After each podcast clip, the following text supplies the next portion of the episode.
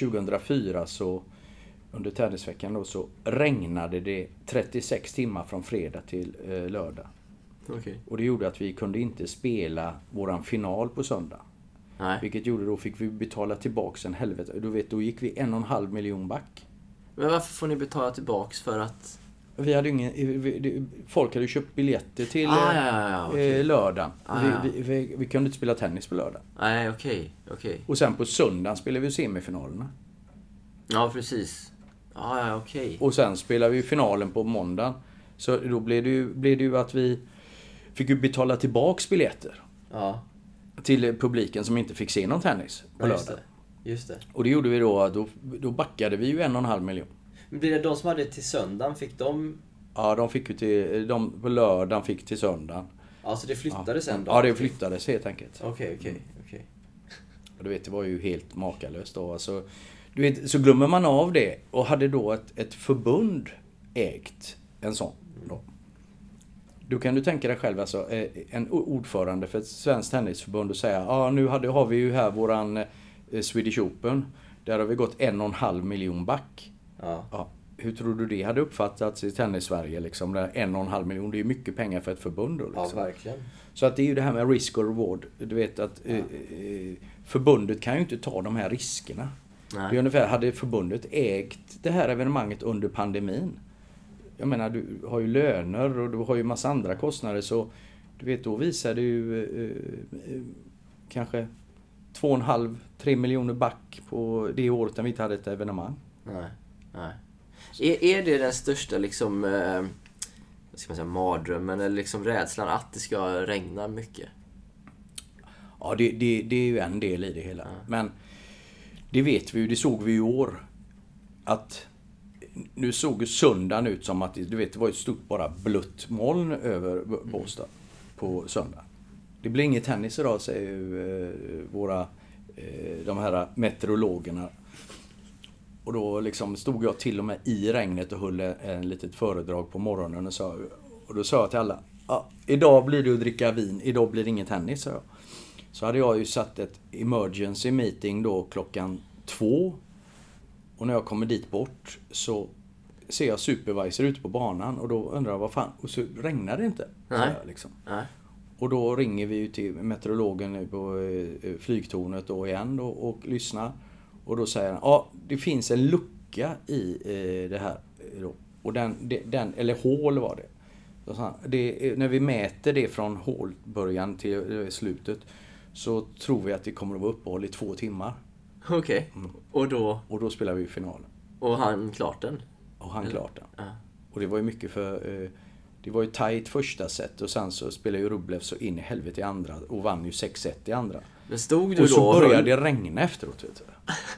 Ja, det vet, ofattbart. Men stod du då och höll på honom då att han skulle closa det i andra set? Ja, det är klart. Ja. Det är klart. För att då såg jag ju bara liksom att... Det, det är så... eh, I regel i och för sig då så är det så, har man spelat en timma så slipper vi betala tillbaka biljetterna för då har vi ju erbjudit underhållning en timma. Men man vill ju ändå för alla skull att det Ja. ska... Precis. Så efter 58 minuter då började det ju regna, du vet va. Och då så, tänkte jag bara liksom den här jävla domaren då som sitter där som har i sig Bernandes där som sa till honom Kalla nu inte av gubbarna från banan, låt dem sitta på bänken. Ja, så, bara. så ja. Så han höll ju dem. Och sen så blev det liksom var det fem minuter där det var liksom en drizzling, du vet så. Det skadar ju inte gruset utan det, Och så släpper han på dem igen. Och sen så är det ju spel. Du vet, så när det går över en timme då bara yes. Och sen då så tänker man fan nu, nu nästa var ju då liksom att bara matchen blir klar liksom. Ja, ja, just det. För att det är så tufft för tävlingen om man får betala tillbaka biljetterna. Ja, Ja. det är klart det. Det är ju en del i det hela. Men eh, Ja, jag förstår. sen att bli, bli färdig med, med tävlingen också självklart. Man vill ju ha en vinnare, tänker Ja, jag. Liksom, ja. så här. Men det, du kan ju spela måndagsfinal. Eh, men sen går måndagen bort också, då lottas ju finalen. Lottas fram en vinnare. Nej, det lottas ju då eh, så att de... Jag vet inte om de lottar fram, jag, vet, jag har aldrig varit med om det i och för sig, men eh, de får dela på vinsten och betala, dela på pris. Om den inte går att spela så delas det, vet jag. På poäng och pengar, Sen vet jag inte liksom. om de, man lottar eh, vinnare för att få en vinnare eller hur man... Jag vet inte fan Ja. Ja. Ja, det låter... Det får du kolla upp. ja, det måste jag kolla upp. Ja.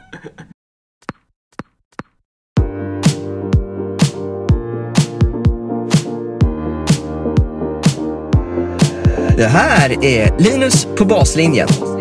En podcast om och för svensk tennis.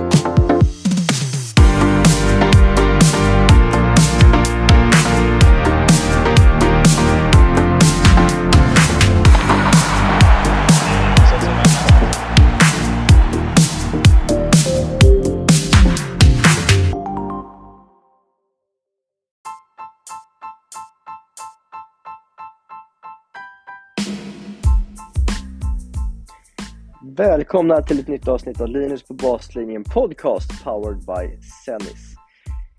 Idag så har vi Christer Hult med i podden.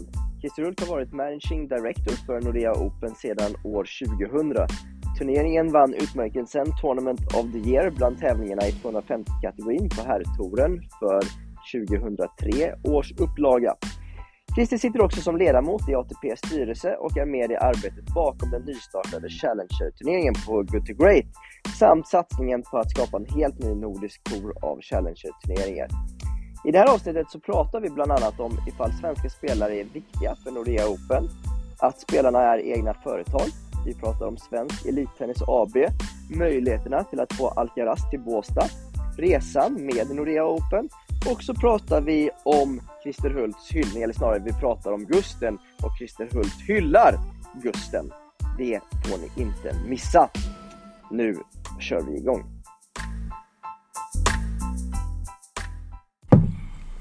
Då har jag det stora nöjet att få hälsa Christer Hult välkommen till podcasten. Tack. tack.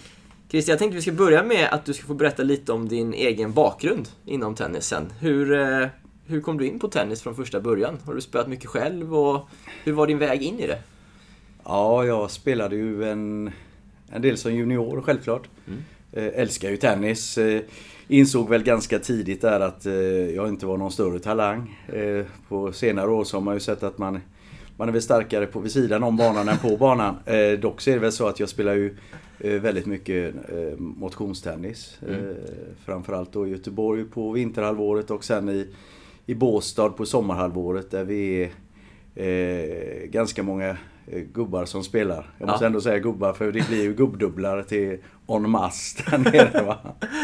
Men det är kul. Du, du tycker det är kul att Ja, spela? ja, jag tycker jag älskar ju tennis. Det är ju, eh, tycker jag, den absolut roligaste sporten eh, som jag har utövat i alla fall. Och det är ju kombinationen med allt, vad man är med, eh, med, med allt eh, att röra på sig och, och, och att få, med umgås. Det är ju eh, fantastiskt. Ja, ja. Hur kom du in på att jobba med tennis vid sidan av banan då?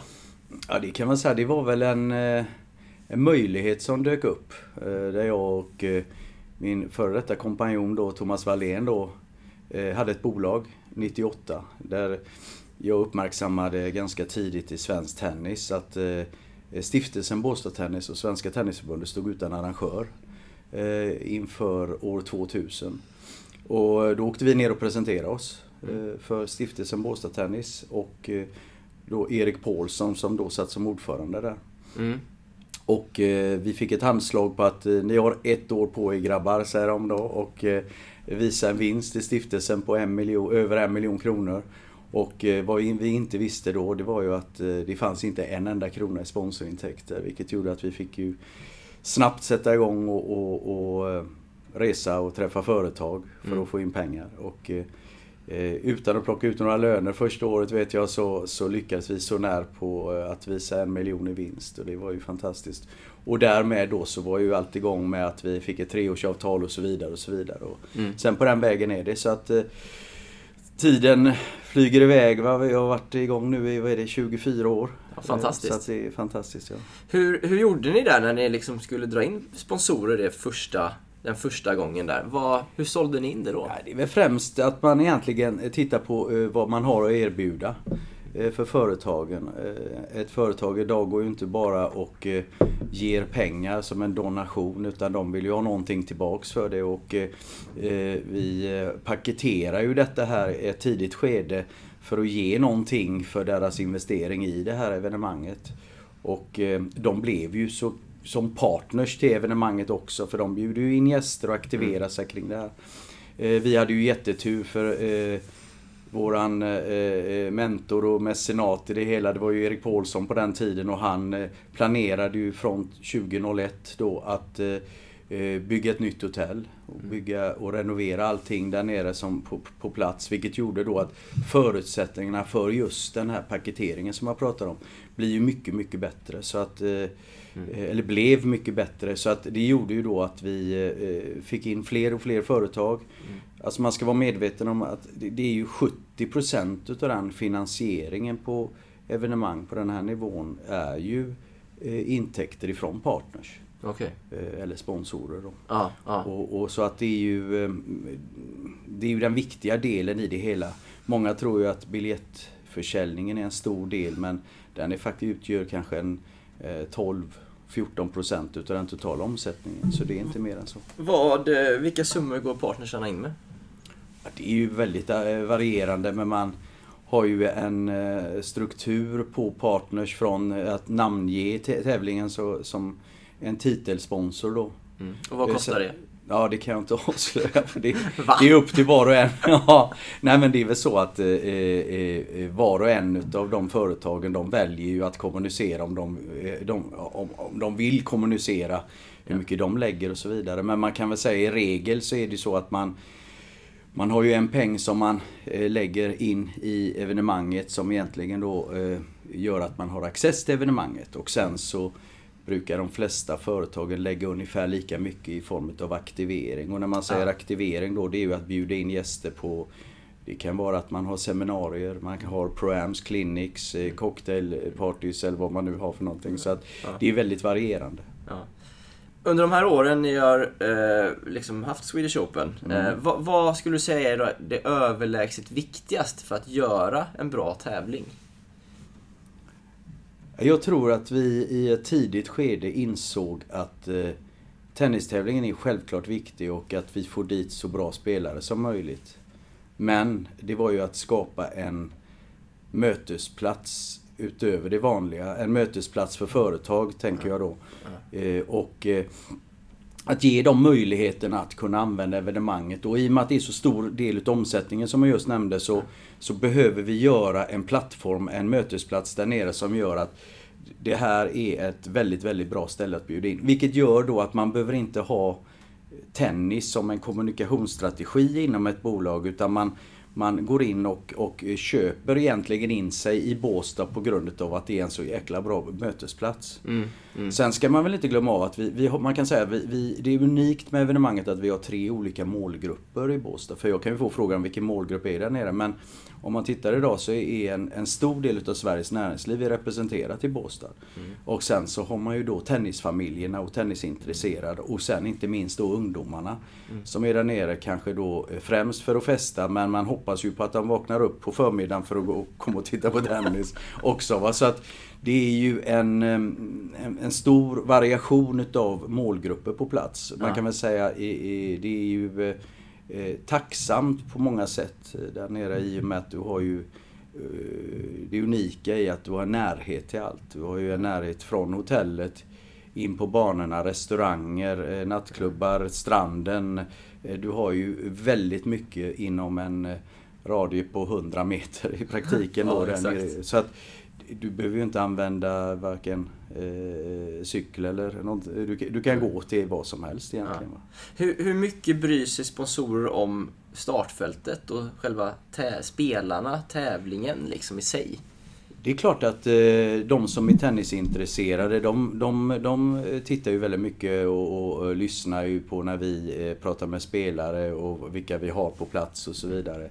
Men främst så är det så, man kan inte lura någon. Eh, vi fick väl en, både jag och Thomas då, efter Robin vann 2011 att eh, eh, ni kommer aldrig få, få mycket folk på läktarna om ni inte har en svensk framme i semi ungefär då. Men jag tror man kan inte lura den tennisintresserade publiken och de tennisintresserade utan man, vi har ju strävat efter att få dit eh, så bra spelare som vi bara kan. Och I och med att man har jobbat så många år med det så, så, så, så pratar vi ju med de flesta utav spelarna För att se om de är intresserade att komma till Båstad eller att, om det skulle passa i deras schema. Men det kan vi komma tillbaks till om, om du vill prata Mm. Ja, lite vi, om vi det kommer med tillbaka spelare. till det ännu mer där. Ja. Eh, Men eh, först bara, din roll. Vad exakt är den? Ja du. det är frågan vad den är. Eh, nej, jag, jag, är ju övergripande ansvarig men Ja. det låter ju pretentiöst men nej, jag försöker Det får väl... det vara om det är så. Ja, ja, nej men eh, det, jag har ju väldigt många roller. Det är därför jag är lite svajig kanske i svaret. Eh, eh, jag, jag går ju i olika skepnader under året kan man väl säga. Okej. Eh, när det gäller eh, Nordea Open och det så är ju jag övergripande ansvarig. Eh, det är väl en, en, en titel som man kan sätta på det. Men, eh, jag säljer mycket. Ja. Från, från egentligen september månad så gäller det att få, platt, få, få, få ekonomin på plats Ja. inför kommande år. Ja. Ehm, Jag eh, träffar spelare och eh, eh, agenter under egentligen ifrån finalerna i Turin eh, och framåt så, så är jag ute och reser och träffar spelare och agenter. För att få dem till Båstad? För att få dem till Båstad. Eh, Sen är det klart att vi vi är ju ett team som jobbar med eh, Lotta Olmarker och Sara Berg och eh, Micke Falk och Viktor Hägerström som eh, jobbar på helåret. Eh, Vi som team då, vi pratar ihop oss här när vi börjar komma igång egentligen inför nästa år så blir det mycket planering, det är funktionärer. Vi har 450 funktionärer som ska rekryteras. Eh, Vi, sätter, vi jobbar ju helt in-house med, med eh, marknadsföring både när det gäller eh, sociala medier och även vad det än är kampanjer och, och alltihop det där biljettförsäljning. Vi jobbar ju med produktionen och bygger upp hela anläggningen. Vi har ju en löpande dialog med våra 30 partners på hur de ska aktivera sig. Så att eh, det är klart att eh, jag jobbar i väldigt massa olika roller eh, där nere. Och eh, sen har ju Magnus Norman en, en på, på ATP-veckan, han är ju Tournament Director. Jag har mycket kontakt med honom och vi tillsammans måste jag säga. Vi, Ibland är det så, Magnus har ju, har ju eh, eh, spelarna ute på touren som sina före detta kollegor eller som kollegor när det gäller coacher och, och så vidare. Eh, Och sen, eh, så att vi bollar ju mycket mellan oss när det gäller herrspelare. Eh, Sen så har vi ju Sofia Arvidsson på Just tjejtävlingen, på VTA-tävlingen. Ja. Där hon är ett bollplank när det gäller vilka tjejer vi ska ha. Titta på wildcards till våra svenska tjejer och så vidare. Men, men om man säger då, liksom från att eh, veckan går i mål liksom på sommaren, Mm. så här, finalen är spelad. Hur börjar ni arbeta direkt med nästa års tävling då? Eller vad, hur, bara lite kort så här, ta sig igenom det. Hur, Nej, vad händer då? Eller när? Jag Ja. tror man, man, man är ju någon form av koma och, och chippar efter andan där ett par dagar Ja. efter. Va? Så att Ett par dagar. Försöker, ja, ett par dagar. Nej, vi, vi, vi, eh, jag ligger på rygg, håller på att säga två dagar. Sen är man up and running eh, med, med lite roliga grejer eh, Ja. på sommaren där. Eh, sen började kan man säga, för min del så började det med att jag åker ju, det första jag gör det är ju att jag åker till US Open där i slutet på augusti. Så det är då det börjar lite grann liksom? Då börjar det lite Ja. grann och, och sen har jag ju en annan roll och det är ju, jag sitter ju i, med i ATP-styrelsen. Mm. Och, och eh, det har jag gjort nu sedan 1 januari i år. Okej. Eh, Och där sitter jag som representant för 36 tävlingar runt om i världen i 250-kategorin. Okej. Och de täcker ju egentligen kan man säga hela världen så det gör ju också då att jag, det är anledningen till varför jag reser så mycket. Eh, Men, men eh, det börjar ju då i, eh, i ofta i US Open och där har vi ju möten med alla tävlingar från hela världen samt att vi har ju oftast då styrelsemöten där Okej. på plats. Vilka frågor är viktiga där? För er kategoritävling? Eller vad är det för frågor du driver där? Oj, det är ju en... eh, Jag har ju en, en roll eh, som styrelseledamot i, i, eh, för ATP-touren där jag egentligen ska ta ansvar för de besluten som, eh, som gäller hela touren. Självklart. Mm. Sen är det klart att jag går ju in och får en hel del olika specifika eh, frågor och även då eh, förfrågningar eh, som för då 250-kategorin och det kan ju vara eh, högt och lågt. Det kan ju vara allt möjligt. Så att vi, vi tar ju beslut om kalendrar eh, i, i stort sett om, om, om uh, nya partners till touren till... Uh, ja, det, det, det, är väldigt vitt och brett vad vi, vad vi egentligen tar för beslut. Men vad är, är det liksom... Om du liksom, du är med i den styrelsen och jag förstår att det är liksom för hela tourens del. Mm. Men det är ju uppenbart också att du liksom, du driver ju Swedish Open också. Mm. Vilka frågor är viktiga för, för er liksom i det styrelserummet? Är det något du känner, det här vill jag nog lobba lite för? Liksom? Jag är ju väldigt neutral. Ursäkta. Jag är väldigt neutral när det gäller min roll och skiljer väldigt mycket på själva eh, rollen som styrelseledamot för ATP-touren och frågor som gäller Nordea Open. Skulle det vara att utav någon anledning, det har inte skett ännu, men skulle det vara någon fråga som gäller eh, Nordea Open Båstad i, på, i, som skulle gå till, upp till styrelsen ja. så är det ju i regel så att då går jag ut från rummet. Då okay. sitter ju inte jag med i rummet och tar beslut om en egna tävling. Så att, eh, och det gäller ju alla i rummet. Vi är fyra stycken turneringsrepresentanter. Mm. Ehm, där har vi två stycken från 1000-kategorin Masters. Eh, vi har en 500-representant och en 250-representant som är jag då. Okay. Sen är det fyra stycken spelarrepresentanter och en ordförande. Okej, okay. Ingen coach? Nej, inte coach där utan man kan säga så här att Player Council de, ja, de tar ju fram då eh, fyra representanter som de har och där eh, sitter ju eh, Pablo Andujar som precis faktiskt slutade spela tennis. Eh, Mark Knowles som är en eh, gammal duktig, eh, både, framförallt då dubbelspelare, högt rankad. Sen det, har de, väljer de någon från näringslivet eller ett par från näringslivet också där Eno Polo sitter som även jobbar med padel faktiskt. Mm. Och sen har vi Luben Paplanov som, som sitter där också. Så att det, är vi, okay. det är de som är styrelsen. Ja, jag fattar. Eh, vilka andra tävlingar på touren eh, tycker har ni i Båstad som lite förebild eller som ni ser upp till mycket? Ja, kollar man liksom på hur andra saker andra gör bra och försöker efterlikna vissa grejer eller så? Det är klart, jag tror ingen specifik tävling utan man kan nog eh, plocka upp eh, lite bra grejer från flera olika tävlingar. Mm. Sen är det väl så att det inte är många tävlingar som ser ut som Båstad med, just, med tanke på det jag sa alldeles nyss. Ja. Med närheten till allt. Eh, jag måste säga, jag får ju ofta frågan vilken är din favorittävling på touren? Det kan ja. jag ju få. Och, och, jag måste nog säga att eh, eh sedan jag var där första gången eh, så har nog eh, tävlingen i Monte Carlo varit en, min favorittävling. Okay, ja. och, och, då kan man och då frågar jag henne, alltså, är ingen av de här eh, andra stora tävlingarna då ja. som, ja, det är klart det, det är jättetrevligt att komma till storstäder och tävla ja. men Monte Carlo har en, en eh, jättecharm tycker jag. Eh, ja. Lite grann det här just att man har närheten till väldigt mycket och, och, det här att man promenerar upp. Det är en skön atmosfär eh, och allt upp det runt omkring. Eh, Sen är det klart, det finns ju som jag sa alldeles nyss, det finns ju små pärlor eh, lite grann runt om i världen som man kan eh, plocka upp. Och pratar man eh, Grand Slams då som ligger utanför ATP-touren så tror jag nog att man får, min favorittävling är Australian Open. Australian Open, ja. Skönt att åka över till Australien. eh, Båstad har ju varit otroligt populär liksom bland, bland spelarna genom åren eh, och, och liksom är än idag. Eh, hur känner du att ni kan utveckla tävlingen vidare? Inte bara för spelarnas skull, men rent generellt. Vad är nästa steg liksom?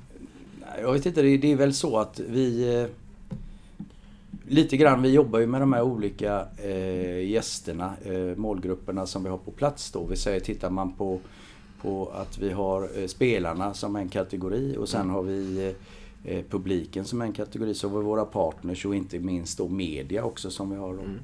Vi försöker väl eh, se till att varje del utav de här olika gästgrupperna då, om man ska kalla det så, att de har det riktigt bra. När det gäller spelarna då så har vi ju hela tiden strävat, hela teamet och framförallt då våran spelarservice som vi har på plats, att vi ska ge spelarna absolut högsta eh, service både på banan och vid sidan om banan. Mm. Sen är det klart att det hjälper ju till eh, att, att våran eh, anläggning ser ut som den gör. Att du bor på ett hotellrum och sen så ditt kontor är egentligen bara en, en 30-40 meter från ditt, eh, ditt hotellrum. Ja. Och du behöver inte använda transporter, du har nära ner. Har du eh, en spelfri dag imorgon så kan du gå ner på Pappas eller Mamas eller Peppes eller eh, restaurang Sand och, och, och ta en ja, middag och kanske till och med gå och, och skoja till det lite uppe på Peppes. Alltså. Jag bara väntade på att du skulle säga det.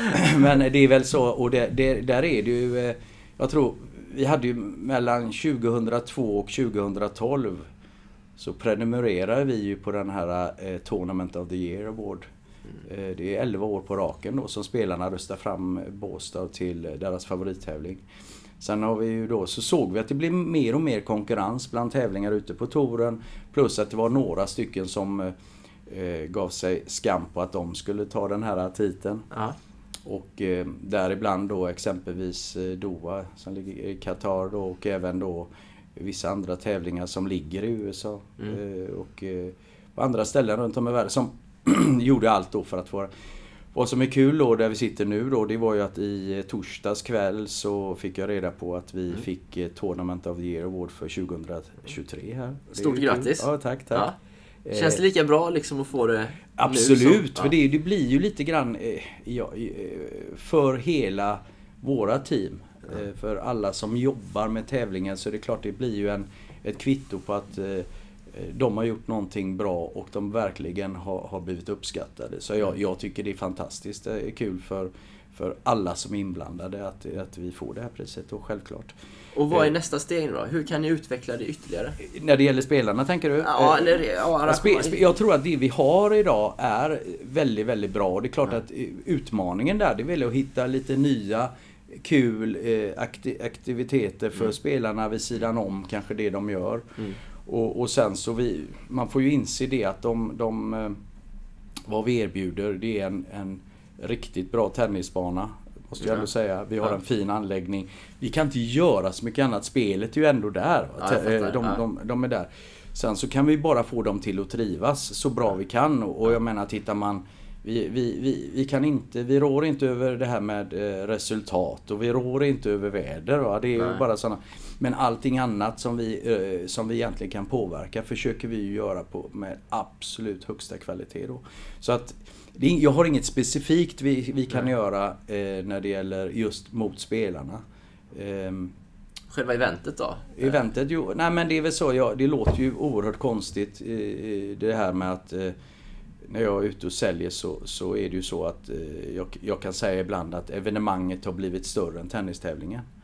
Och, och det är ju så att eh, det är ju lite grann det jag var inne på förut då att eh, mötesplatsen eh, Båstad, destinationen, tennistävlingen och allting har blivit så eh, viktig för många företag också att komma ner till. Så att vad vi gör där, vår största utmaning, det är ju att se till att kanske då hitta fler ställen där vi kan aktivera oss på. Vi, vi har idag ungefär en 25, 26, 27 eh, seminarier under veckan. Vi, vi, vi, någonting som växer extremt mycket det är att vi har ju våra forna tennisstjärnor som eh, Micke Pernfors, eh, Jocke Nyström, Magnus Gustafsson, Magnus, ja, Magnus Norman är också med på vissa av de här och Niklas Kulti, Mick- eh, Tillström och, och, och flera som är med då och spelar tennis med våra eh, partners, gäster nere på Ja. plats. Och det har vuxit extremt mycket så det är Okej. många tillfällen där. Ja. Sen är det klart, det går ju inte att komma ifrån att eh, kombon i Båstad med att man även kan ha väldigt trevligt på kvällarna. Det, Ja. det, det, det är också någonting. Och utvecklingen där har vi ju efterhand då. Jag kan säga att vi kan inte påverka antalet restauranger eller kvaliteten på restaurangerna men vad vi har sett det som hjälper oss det är ju att det har ju blivit en större etablering av restauranger vilket gör att det fi- det finns ju mer att göra på kvällarna också. Ja. Det hjälper ju till måste Ja, jag jag säga. Så att, eh, eh, Ja. nej, sen det är väl eh, det är väl att försöka utveckla och förfina anläggningen och hitta eh, de här eh, små, små grejerna som vi skruvar på för att göra det ännu bättre. Ja. Hela tiden en utveckling. Eh, när, när du samtalar med spelare ja, om liksom att komma till Båstad. Vad, vad upplever du är det viktigaste i de dialogerna? Vad bryr sig spelarna allra mest om? Det är ju, eh, jag tror, det är ingen, det är ingen svår eh, införsäljning eh, att sälja in Båstad till spelarna. Eh, det, det, det är ingen, inget svårt alls. Eh, men eh, jag tror att spelarna, de, de, de måste inse först då liksom vad, hur ser min kalender ut och, och mm. när de planerar kalendern så sitter de där och pratar med sitt team, coacher och så vidare. Och ser de då att ja, efter Wimbledon så vill jag spela gruset. Mm. Den Europasvingen där på grus. Då är det klart att då, då, då, då, då öppnar de ju dörren. Mm. Och vad har vi för konkurrenter då? I regel så har vi då typ Gistad och eh, Newport. Mm. Eh, som, som en konkurrent. Mm. Och, och, där har ju Båstad en jätte, jättefördel självklart. Mm. Mm. Sen är det ju bara att inse det att det kommer ju ner till eh, eh garantipengar i slutändan om det, är, det rör sig om eh, en topp 10-spelare och så vidare. Mm. För där kan det vara så att de vill åka till Båstad men de får så mycket mer betalt i Gestalt så de kan inte tacka nej till det. Så skulle det kunna vara. Men är det så också? Det, det är klart det. Det är klart det. Ja, självklart. Eh, Sen, sen är vi så, som, som jag sa då, vi idag och vi kommer dit hem, vi har ju många före detta spelare som har lagt av, som nu är coacher, som jag känner sedan tidigare. Och det är klart att då vill de med sina adepter att de ska få uppleva Båstad som de gjorde en gång i tiden. Så att, och där, där är ett bra exempel på Juan Monaco och eh, Mariano Zabaleta och så vidare som mm. representerar några av de, de argentinska spelarna. Mm. Både eh, Juan Monaco och eh, Mariano Savali, de fullständigt älskar ju det. På den tiden hade vi till och med en del på Papas som hette Papagayo då för våra latinos då. Det var ju spanjorer och, och, och sydamerikanare där inne som, och de hade ju världens eh, härligaste Eh, vecka på plats där. De trivdes? Ja, de, ja det kan man väl lugnt säga att de gjorde. men, men eh, du pratar liksom, eller Båstad som, som, eh, som stad liksom, och anläggningen och allting, det liksom, är ju positivt. Men hur, hur mycket betyder pengarna för spelarna? Eh... I deras beslut att komma till Båstad? Jag tror att skulle det vara så att jag erbjuder en krona och Gestad en krona så åker spelaren till Båstad. Ja. ja. Eh, jag kan inte svara på hur mycket det skulle skilja för att de skulle välja något, nej, annat. Men vad är din känsla? Så här, liksom? nej, hur, nej, hur mycket jag, spelar det in? Jag, jag har ju eh, en känsla av att eh, Båstad betyder väldigt mycket för många utav spelarna. Ja. Så att de kommer eh, egentligen eh, på grund av att känslan för Båstad är större. Då. Okay. Eh, sen är det klart att eh, skulle det skilja väldigt mycket mellan Eh, ett erbjudande från eh, en annan tävling och Båstad så, så kanske de väljer det då. Ja, mm, okay. Så är det bara. Hur, hur viktiga är de svenska spelarna om vi återkommer till det för tävlingen? Det är klart, vi, vi är väl som överallt annars eh, runt om i världen att man... Eh, vi är patrioter. Mm.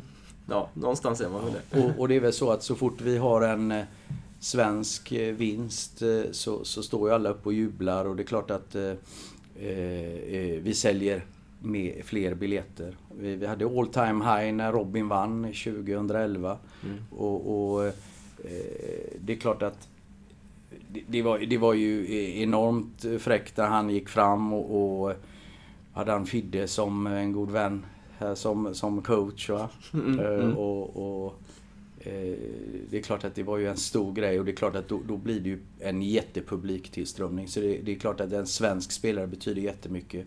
Mm. Vi ser ju intresset för det här med det, det svenska självklart i, även i, på VTA-veckan, på, mm, på tjejveckan. Där vi nu i två år på raken har haft hela sex tjejer i huvudlottningen. Mm. Mm. Vilket gör att det, självklart så är det ju så att eh, alla svenskar och alla svenska in, tennisintresserade, svenska tennisintresserade vill ju se svenskar spela och då, då, då blir det ju mer folk på läktarna. Även om det inte är stora stjärnor eller?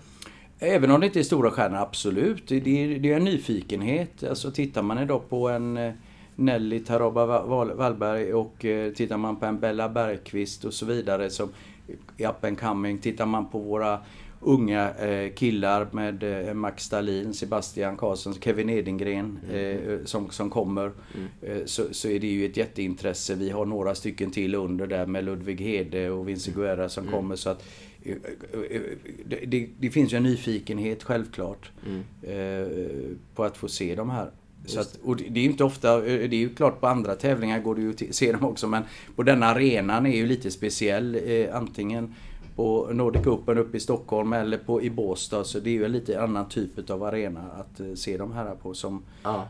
fler utav dem kanske för första gången får spela inför den storleken på publik och, och det finns ju nerver som spelar in och allt. Det, det, är ju, det är ju ganska kul och spännande att se dem. Men, men har ni som organisation eller som liksom, eh, arrangör fått tänka om lite hur man liksom brandar tävlingen när vi inte har någon stor stjärna från Sverige längre?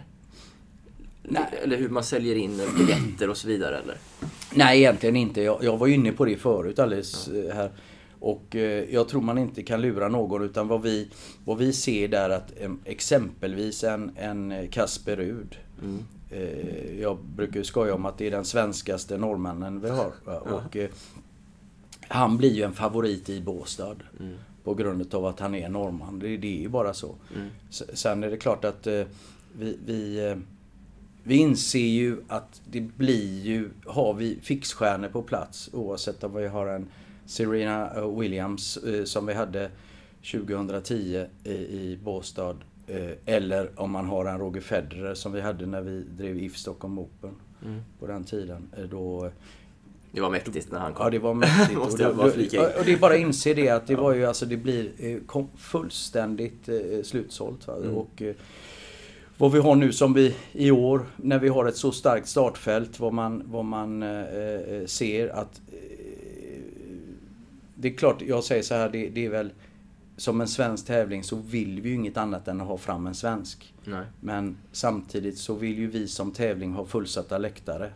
Och har vi då ett bra startfält med en variation utav spelare som är, är intressanta, då blir det slutsålt. Och i år eh, så, så var vi faktiskt i praktiken, vi tangerade eh, 2011 års siffror, vilket är helt ofattbart egentligen. Okej. Eh, och det är klart att det var ju superroligt att Leo vann en match eh, och eh, möter en före detta finalist i Federico Correa eh, på onsdagen på våran Sunset Tennis som vi kallar det. Mm, mm. Sen att vi har en Andrei Rublev på plats som faktiskt då är en av de spelarna som har den största fanbasen på hela touren. Supertrevlig, fantastisk kille. Eh, Och sen har vi ju då flera andra då som vi har på plats som, som eh, eh, är intressanta att se på. Och det, det, det tror jag alla förstår. Det, är- det är kul att det uppskattas. Ja, men det var bra startfält, verkligen. Eh, så här lite i efterhand nu då, liksom, eh, vad är dina reflektioner kring liksom hela Micke Ymer-soppan som har varit sista två åren, eller vad man ska säga? Jag har egentligen inte, jag tycker det är ganska uttjatat eh, och eh, det är väl klart att det är ju eh, extremt tråkigt det som hände Micke. Eh, Att han missat tre stycken testtillfällen och, och sen att det är, han blir avstängd i 18 månader kan man ju diskutera om det är för länge eller så vidare. Och sen att han gick ut efter ett par månader också att han eh, slutade spela tennis. Tycker jag är jättetråkigt. Mm. Eh, han är ju en... Eh, han var ju våran eh, nummer ett i Sverige. Mm. Sen så att, att han valde att spela Båstad, det är ju, eh, är ju upp till honom. Beslutet ligger hos spelaren oavsett vem det är. Mm. Eh, och eh, det är ju naturligtvis tråkigt att vi, eh, vi inte längre har honom som en utav spelarna i- på, på, i svensk tennis. Mm. Men, men liksom hela diskussionen kring att han inte var i Båstad, det var ju så mycket snack kring det. Vad är din liksom take på det? Alltså, nu i efterhand eh, när man vet vad som hände. Det, det är ju så att det blev ju officiellt att han blev avstängd på tisdagen. Eh, Mm. Under un- tävlingen. Under Nordea Open. Och det är klart att eh, hade han varit i Båstad så hade ju skadan, tycker jag då, blivit större. Mm. För då hade all media fokuserat på honom i Båstad och då hade man tappat fokus på tävlingen. Mm. Nu valde han att spela i Gistad och eh, eh, kunde ju inte spela sin första match där på tisdagen, vilket är klart det är, det är ju eh, det är supertråkigt. Mm. Eh, hur, hur, hur viktigt tror du att Nordea Open är för svensk tennis? Som helhet? Nordea Open och eh, Nordic Open, eh, BNP Paribas Nordic Open uppe i Stockholm är ju lite grann, om man ska kalla det, säga det, det är väl eh, toppen på pyramiden. Det är ju där lite tjejerna och killarna strävar ju att komma till Båstad och killarna strävar efter att kanske spela i Stockholm mm. någon gång i sin karriär. Om du väljer det. Att det betyder jättemycket som en inspiration tror jag och även då att entusiasmera unga killar och tjejer för, att, för sin tennissatsning. Mm. Ehm, sen, sen är det ju så, det är bara att inse det att Båstad och även Stockholm i stora delar är ju Sveriges Grand Slam. Ja, precis. Ja. Och det är, ju, det är ju det vi, vi, jag menar vi, alla har inte eh, råd och tid och så vidare att kunna resa till internationella tävlingar någon annanstans. Så deras enda chans att få se de här världsstjärnorna det är att göra det på hemmaplan. Så det är klart att vi, det, de tävlingarna be, betyder mycket. Mm, mm. Sen ska man ju, tror jag, eh, eh, vi, vi, har ju startat igång lite nya projekt också för att det är ju lite grann det här att man ska med den entusiasmen förhoppningsvis som vi skapar med, med de här tävlingarna så måste vi även bereda eh, en möjlighet för de här unga killarna och tjejerna, talangerna, att kunna komma dit hän så småningom att spela en VTA och en ATP-nivå. Mm. Och det börjar ju, kan man säga, det börjar ju självklart ännu tidigare då. Va? Det mm. börjar ju från eh, tidig ålder och sen så ska du upp hela vägen. Jag tror den kritiska, vi kommer ju osökt in på detta nu, men alltså eh, med, under de här åren när jag jobbar med det så ser man allt för ofta att eh, det blir en del utav våra tennistalanger som blir stampandes eller som blir fast runt en ranking på kanske 400-600 om de kommer dit. Precis. Och för att komma vidare då så eh, behöver du ju rankingpoäng. Ja. För sen ta dig in i antingen ett, eh, en 250-tävling eller en VTA 125 runt om i världen.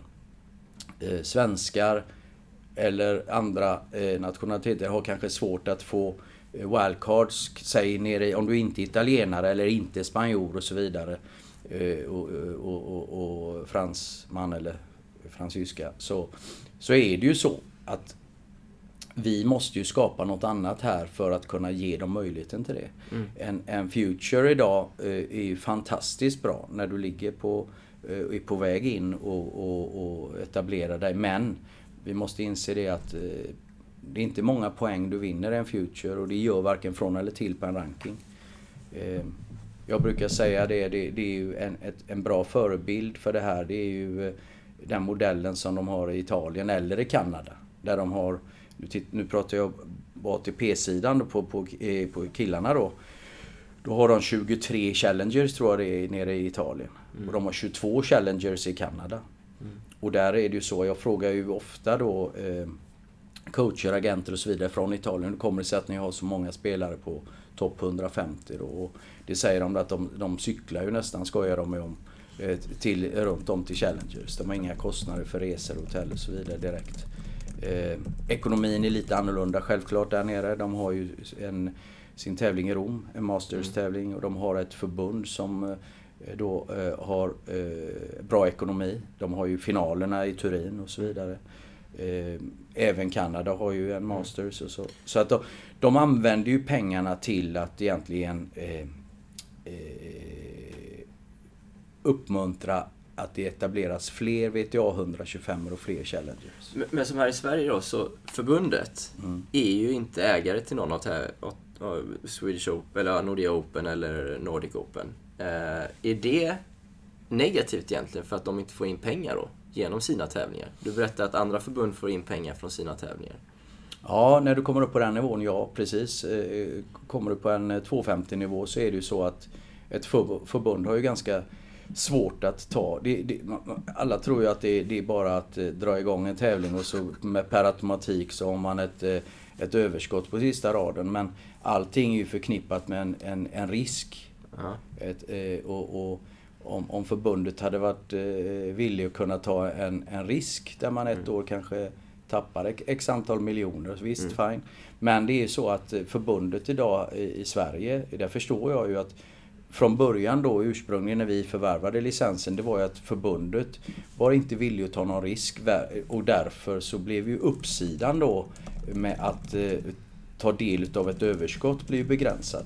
Mm. Men när man tittar på en 250 nivå så är det ju långt ifrån de pengarna som man pratar om när det gäller en Masters-tävling som de har i Rom och i, ja, Toronto. Okay.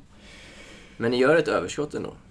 Nej, det är inte säkert att vi gör varje år. Utan det beror ju lite grann. Det är ju ett dragspel på hur mycket pengar vi spenderar när det gäller garantipengar och så vidare. Vi, vi jobbar ju väldigt mycket med eh, att eh, bibehålla våran eh, position som en mm. väldigt bra tävling. Vi, har, eh, vi kan gå tillbaks till pandemiåren här eh, där vi förlorade pengar i två år. Mm. Det är ingen självklarhet. Allting beror ju på hur framgångsrika vi har varit att ta in partners i tävlingen. Mm. Men det behöver inte betyda att vi har de pengarna för att vi ska visa någon vinst att tala om. Utan det kan ju vara så att nu har vi möjlighet till att köpa en spelare till. Vad kostar en spelare? Oh, vad ligger garantipengarna på? Hur långt är ett snöre? Det, det är ju så. Det, det men vad Spektrum pratar Nej men vi, vi, Spektrumet kan, kan egentligen sträcka sig från att vi ger ett extra rum till en spelare till sin coach. Eh, okay. Till att man betalar miljoner i pengar ja. till, till en spelare som kommer. Så att Spannet är, är, är, väldigt, väldigt stort. Okay. Sen kan man säga det är ju eh, Vem betalar du kan du ställa frågan självklart. Det är ju en jag och Magnus gör ju bedömningen om hur attraktiv spelaren är för den svenska publiken. Eh, och sen i kombo med eh, att det är en bra gruvspelare. Det kan vara att det är en, eh, en ung spelare som vi tror mycket på kommer att bli en topp 10-spelare i framtiden. Mm. Vi har ju alltid haft som filosofi, både jag och, och, och Thomas, när vi, när vi jobbar också, att eh, attrahera de här unga killarna på den tiden var det ju framförallt då de unga killarna som vi, vi jobbade på. Det var ju eh, Nadal 2003. Eh, vi hade Sascha Sverre väldigt tidigt. Han, han träffade jag när han var 17 år. Raffa var ju också 17 mm. år när vi, han kom till Båstad. Så det är klart, i kombon mellan alla de här. Eh, när de är i den åldern då betalar vi inte några pengar direkt. Utan då är det kanske ett, det är en talang. Vi ger honom ett extra rum kanske och så vidare. Va? Just det. Födelsedagstårta. Sen, sen, tror jag också en annan... Ja, precis. Nej, men sen är det väl så också att eh, en del spelare kan ju vara mer attraktiva och intressanta eh, i ett OMAG, om du förstår mm. mig rätt. Så, så en, ja, jag förstår. Ja, så att, att det är en, en topp 10-spelare som eh, begär att få en, en, stor summa pengar. Den spelaren kanske inte är så jätteintressant för att ha just i... i eh, Nej, jag förstår. Det beror på... Ja, precis. Eh, lite kort om de svenska spelarna igen, eh, som ju varje år får eh, några spelare får ju wildcard varje år, både till damklassen och till herrklassen. Mm. Eh, ibland är ju känslan att nivån är för stor för dem ändå. Eh, vad, hur, hur, känns det liksom att man delar ut wildcard till spelare som det är kanske inte bara ett steg upp egentligen, utan det är tre steg upp för spelaren. Eh, känns det lite bortkastat ibland? Absolut inte. Det är ju... Eh, vi får ju... Dels så förs ju ett resonemang då med eh, förbundet lite grann. Vi pratar ju med spelaren, vi pratar med coachen om de är, är mogna för att ta den här utmaningen då. Mm. Sen, sen tror jag att det, det, det, är precis som du säger. Det här är, det, skorna är grymt stora liksom när de kliver in där. Men någon gång måste vara den första. Och, och, det är ju som vi har flera stycken exempel på där nere att eh, bara att ge dem denna möjligheten att gå in och ställa sig på den arenan och få uppleva det här för första gången. Mm. Ibland kan det utveckla en spelare något kopiöst. Mm. Och, och, sen så, så tror jag också att det kan vara en eh, injektion för att de sen nu, nu vet de att jag måste hem och träna ännu mer. Va? det, är ju, det, det, är ju så. Och, mm. ja, och, och, just den här, eh, de som är, på, som är rätt. Mm. Det är ju så här, jag vill tillbaks hit till den här arenan. Och, mm. Men nu måste jag hem och träna utav helsike här under en period. Så att jag tror att den, vi är medvetna om det som du säger, att ibland kan eh, eh, kostymen vara för stor. Men jag tror att det är en förutsättning ibland att man ger dem den här möjligheten mm, mm. Eh, tidigt. Just det. Vad, vad, tror du är anledningen till att vi i Sverige har haft så svårt att få fram liksom riktigt bra spelare de sista åren? Vad är din take på det? Vi har, vi har ett, ett, eh, en jättebra verksamhet ute på klubbarna. Eh, och vi har ju fantastiska tränare och alltihop det där. Ja, ja, den, den, frågan får jag ju jag, vet inte, jag ska inte säga hundra gånger om året men, men vad tog svensk tennis vägen? Eh, självklart så är det en kombo av väldigt, väldigt många delar. Ja. Eh, svensk tennis tror jag är egentligen mår okej okay, men vi har en lång väg att gå för att komma dit hän och det är möjligt att vi kommer upp på en nivå där, där vi, vi kan få fram killar och tjejer upp till boys singles och, och girls singles i de här Grand Slammen. Men där stannar det. Varför gör du det? Ja, och då... Och då jag, jag ska säga, jag, ska inte, jag har absolut inte lösningen på det. Det är många, många delar i det hela. Det, det är en, dels så tror jag definitivt att eh, vi måste bort från allt jävla ursäkta min... Kör på. Alltså, mitt revirtänkande. Allt, alltså hela Sverige, svensk tennis revirtänkande. Mm. Alltså vi måste jobba tillsammans mer. Att, att eh, klubbar ska inte titta snett på akademier för att en spelare vill upp och spela en timma på, eller en, en vecka på Good to Great eller att och så vidare. Att det är att jobba tillsammans helt enkelt mm. mer och mer eh, för att skapa då. Vi vet ju att en gång i tiden så hade vi ju eh, på löpande band då de här teamen som spelade. Mm. Vi hade en coach som reste med fyra, eh, fem stycken som, och det blev fantastiskt bra då. Eh, jag ska inte säga det, det, det var bättre förr men, men det var det ju faktiskt. På ja, på sätt och vis var men, det det. Det går ja, inte att säga något om. Sen ska man bara inse det att konkurrensen har ökat i, i, med tennis runt om i världen och så vidare. Sen kan man ju fråga sig då eh, varför får Danmark fram en Holger Rune? Varför får eh, Norge fram en, en Kasper Rud? Varför får eh, Finland fram en Emil Ruusuvuori? Mm. Det, det, det, jag, jag har inte svaret på det. Jag tror en del i det hela det är lite grann att skapa då en, en plattform som vi håller på att jobba på men det är många delar som återstår och som, som beror på om det lyckas eller inte. Det är en Nordic Tennis Series som mm. vi kallar det. Vi har det som arbetsnamn. Mm. Och det är att gå ihop alla nordiska länderna eh, med att skapa en, en eh, ett antal Challengers och ett antal VTA 125 er där vi kan ge de här unga talangerna möjligheten när de kommer från Boys Singles, Girls Singles för då ska de in i, på seniornivå så småningom. Men vi måste ge dem möjligheten att kunna tjäna poäng. De får inte poäng, men de måste ju spela bra för att tjäna poäng självklart. Mm. Men eh, ett bra exempel tycker jag är det att en, eh, en Leo Borg, han behöver 150 poäng för att ta sig in på topp 200 och då går han in i kvalen på Grand Slammen. Och, och mm. eh, en, en eh, Elias Ymer behöver 150 poäng och då går han in kanske i alla eh, två, de flesta 250 tävlingarna och så vidare. Så att mm. det, det, är inte sådär jäkla många poäng vi pratar om när det gäller att... att eh, de måste ju vinna självklart. Det förstår ju jag, jag också. Men eh, idag, idag...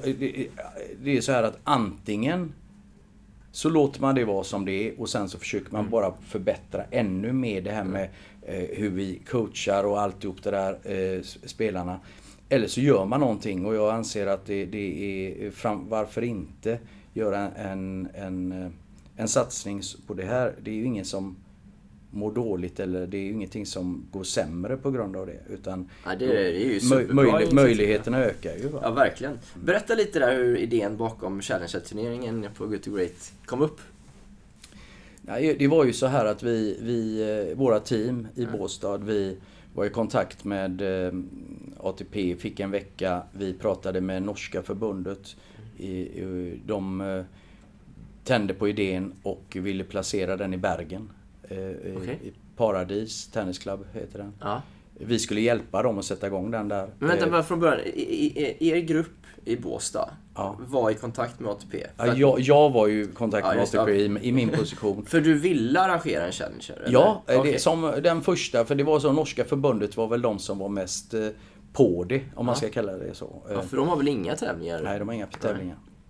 Men på grund utav att Norge tog ett beslut om att eh, ryssar och belaruser får inte överhuvudtaget spela eh, tennis eller spela någon annan sport heller för den delen i, i, i eh, Norge. Så, blev det att de kunde inte arrangera den tävlingen. Vad tycker du om den ståndpunkten från Norge? Jag tycker den är, är, är fel.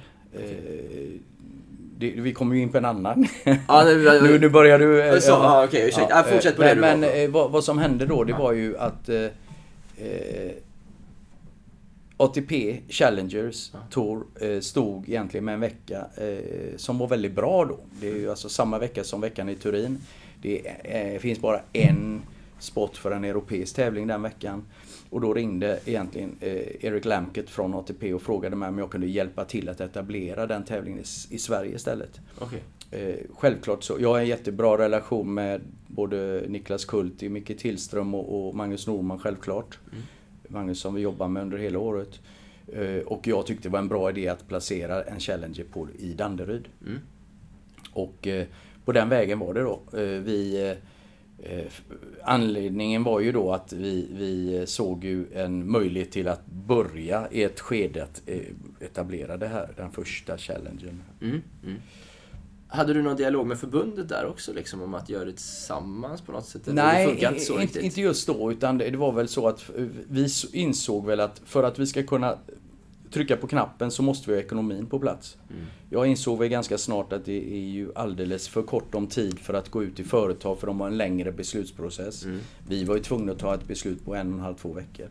Så vi sa det, vi, vi ger det en och en halv vecka så tittar vi på vad vi kan få ihop eh, eh ifrån stora tennishjärtan. Ja. Och, och, då ringde vi ett eh, tiotal samtal och vi eh, fick ju då en jättebra respons. Och fick en backup och eh, eh, fick ihop tillräckligt med pengar på en och en halv vecka som gjorde att vi tryckte på knappen och tävlingen sen då blev ju superbra. Mm. Eh, så man kan säga att det är första. Sen, sen var jag över och träffade finska, förbund, äh, finska tävlingarna i Tampere och i Helsingfors. Mm. Eh, och de eh, är ju på tåget. De vill vara med i en, en nordisk satsning. Mm. Jag har varit nere och träffat eh, danska förbundet och även de som klubben i KB-hallen där.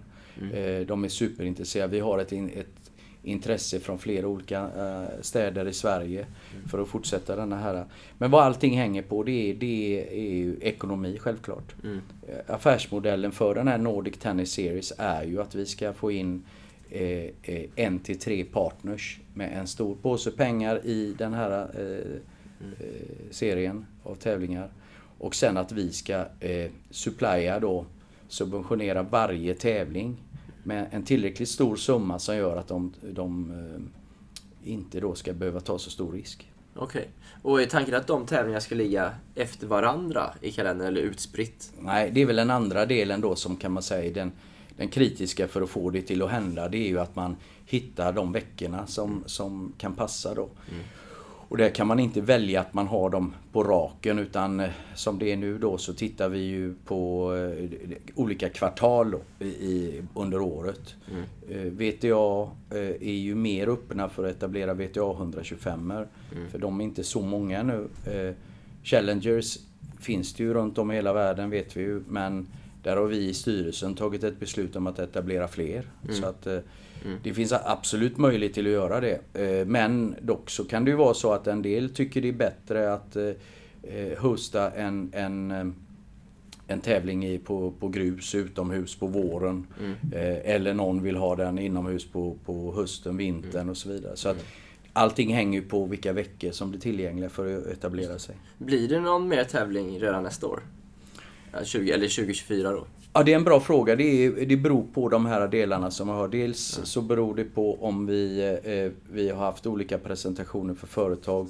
Får vi in pengarna, kan man säga, då har vi mycket lättare till att erbjuda eh, en, en destination eller ett, en klubb en, en påse pengar för att hosta en tävling och då blir det mycket lättare självklart för mm. dem att ta ett beslut. Just det. Spännande.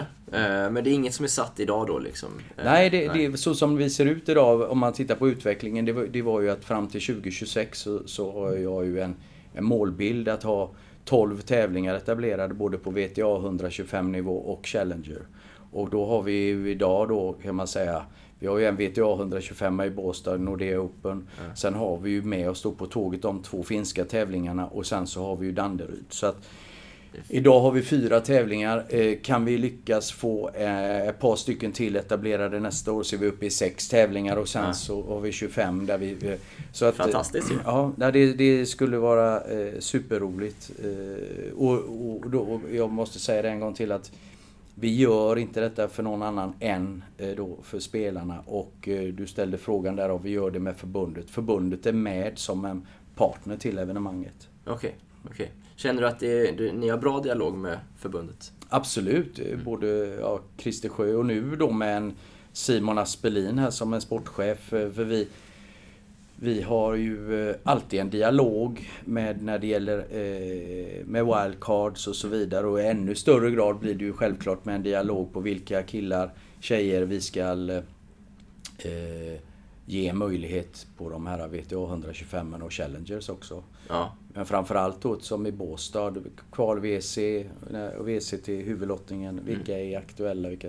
Så vi har ju alltid det som är bollplank jag har ju jobbat med Simon Aspelin i flera år så jag är ju superglad och bara gratulerar eh, förbundet till den eh, värvningen om man ska kalla det, eller den anställningen. Så att det, det, det Du tror du är rätt man på ja, ja, ja, ja. Nej, Simon är en kanonkille. Han är ju suverän.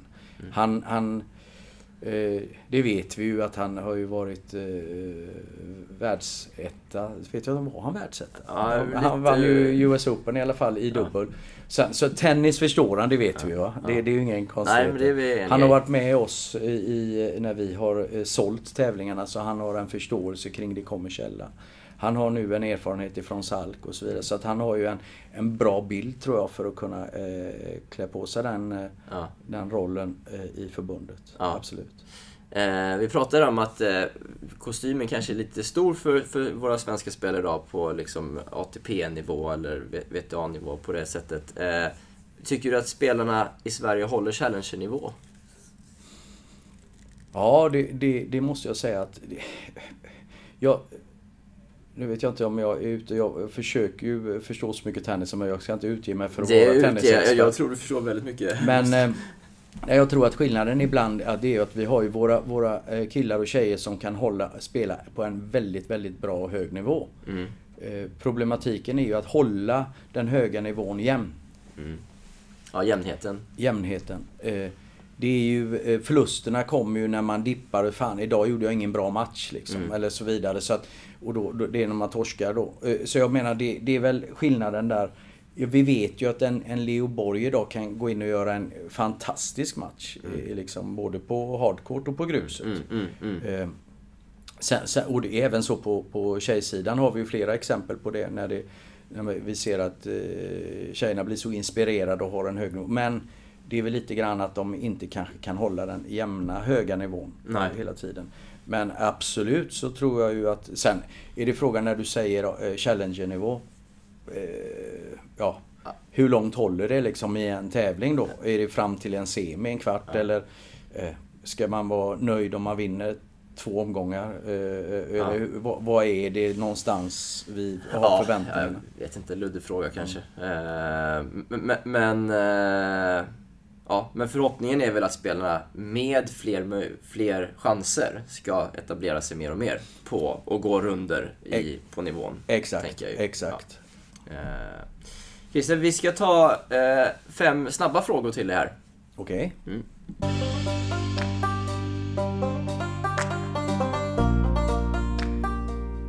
Alright Christer, favoritspelare?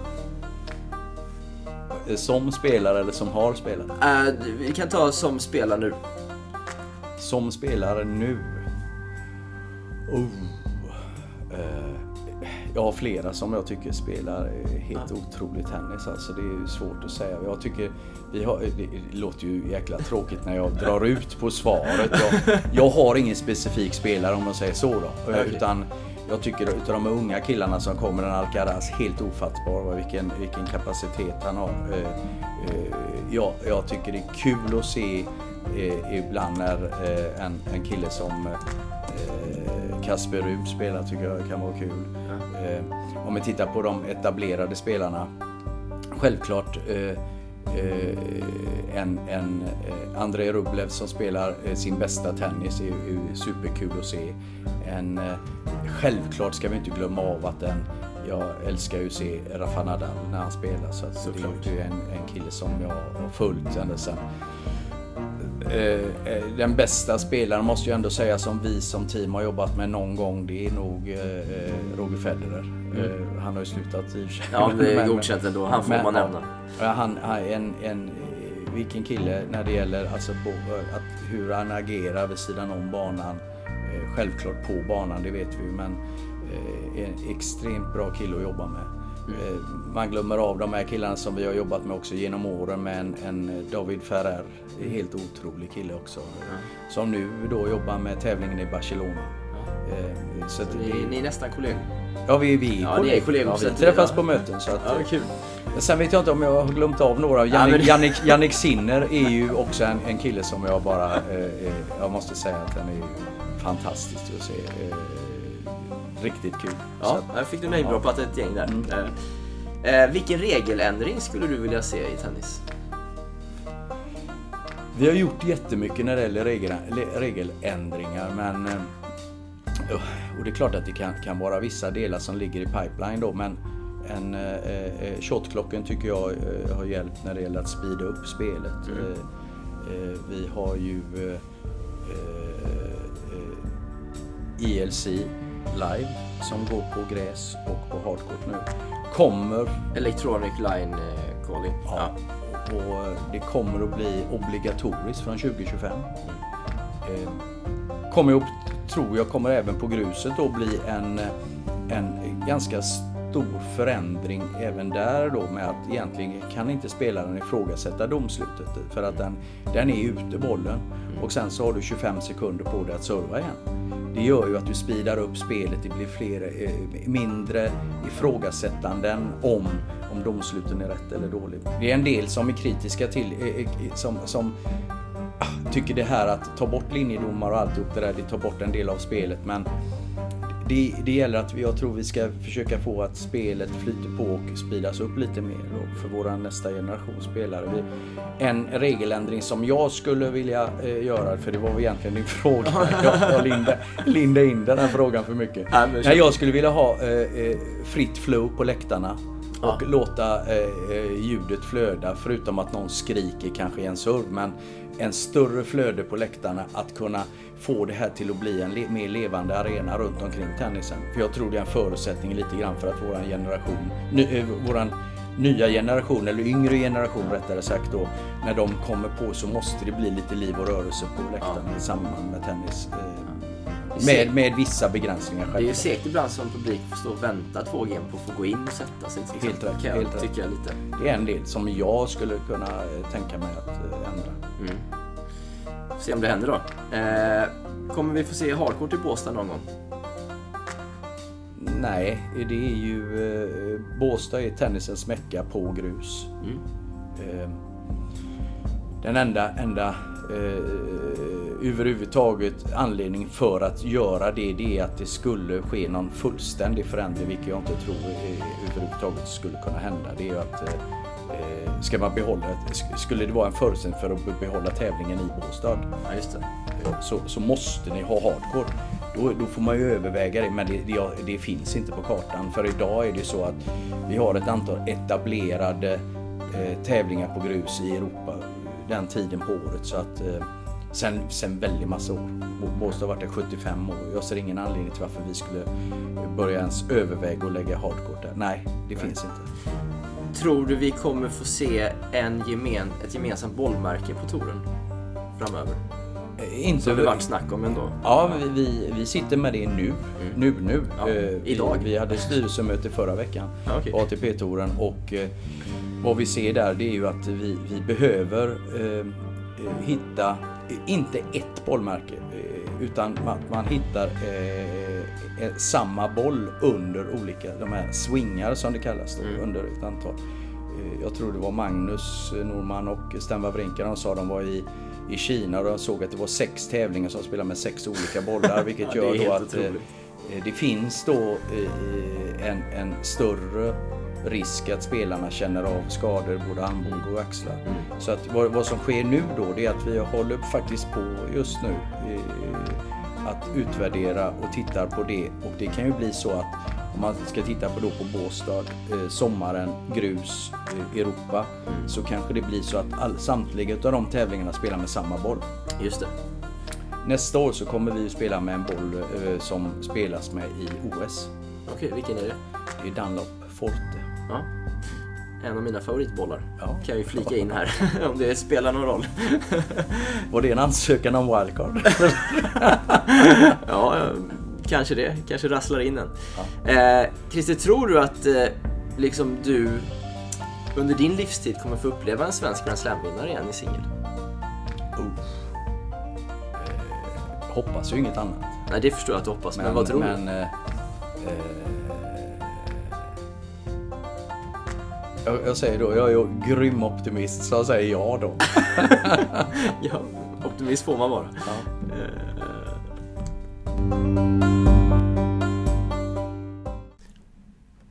Christer, du nämnde ju här spelare som Sinner och Alcaraz som två, två av många favoriter där, fick Ja. du in. Eh, för du dialoger med de topp, topp, toppspelarna nu liksom om att komma till Båstad? Ja, och hur är möjligheterna där? Vi, alltså med, med, anledning utav att egentligen...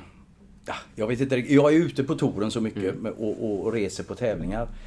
Och eh, har ju lärt känna många av agenterna som representerar spelarna. Eh, många av spelarna har jag ju träffat personligen och har pratat med i olika sammanhang då. Så att, eh, vi pratar med väldigt, väldigt många. Eh, de flesta måste jag ändå säga att vi, vi pratar med. Mm. Eh, Förutsättningen inför nästa år är ju lite annorlunda än vad den brukar vara i och med att det är ett OS som eh, startar veckan efter Båstad. På lördagen efter Båstad. Vi har söndagsfinal.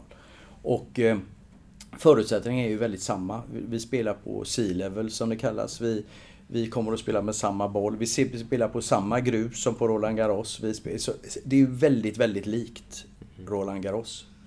Vilket gör då att eh, många av spelarna har redan nu oerhört tidigt jämfört med många andra år. Så att när jag var i Turin så fick jag ju då både propåer och förfrågningar från fler utav då topp 10-spelare. Och jag, jag kan väl avslöja, vi, vi för en dialog nu med fler utav de här spelarna. Eh, eh, Ska vi breaka någon här nu som är vi, klar eller? vi, ja, som är klar. Vi, vi kan säga så här, det, det pågår ju en dialog nu. Jag tror att vi fram i, vid Australian Open kommer att att- att se. Vi, vi kommer inte kunna ha en budget för att kunna eh, ha alla. För då kanske de, någon av dem spelar hellre Hamburg och, och så vidare för att de får...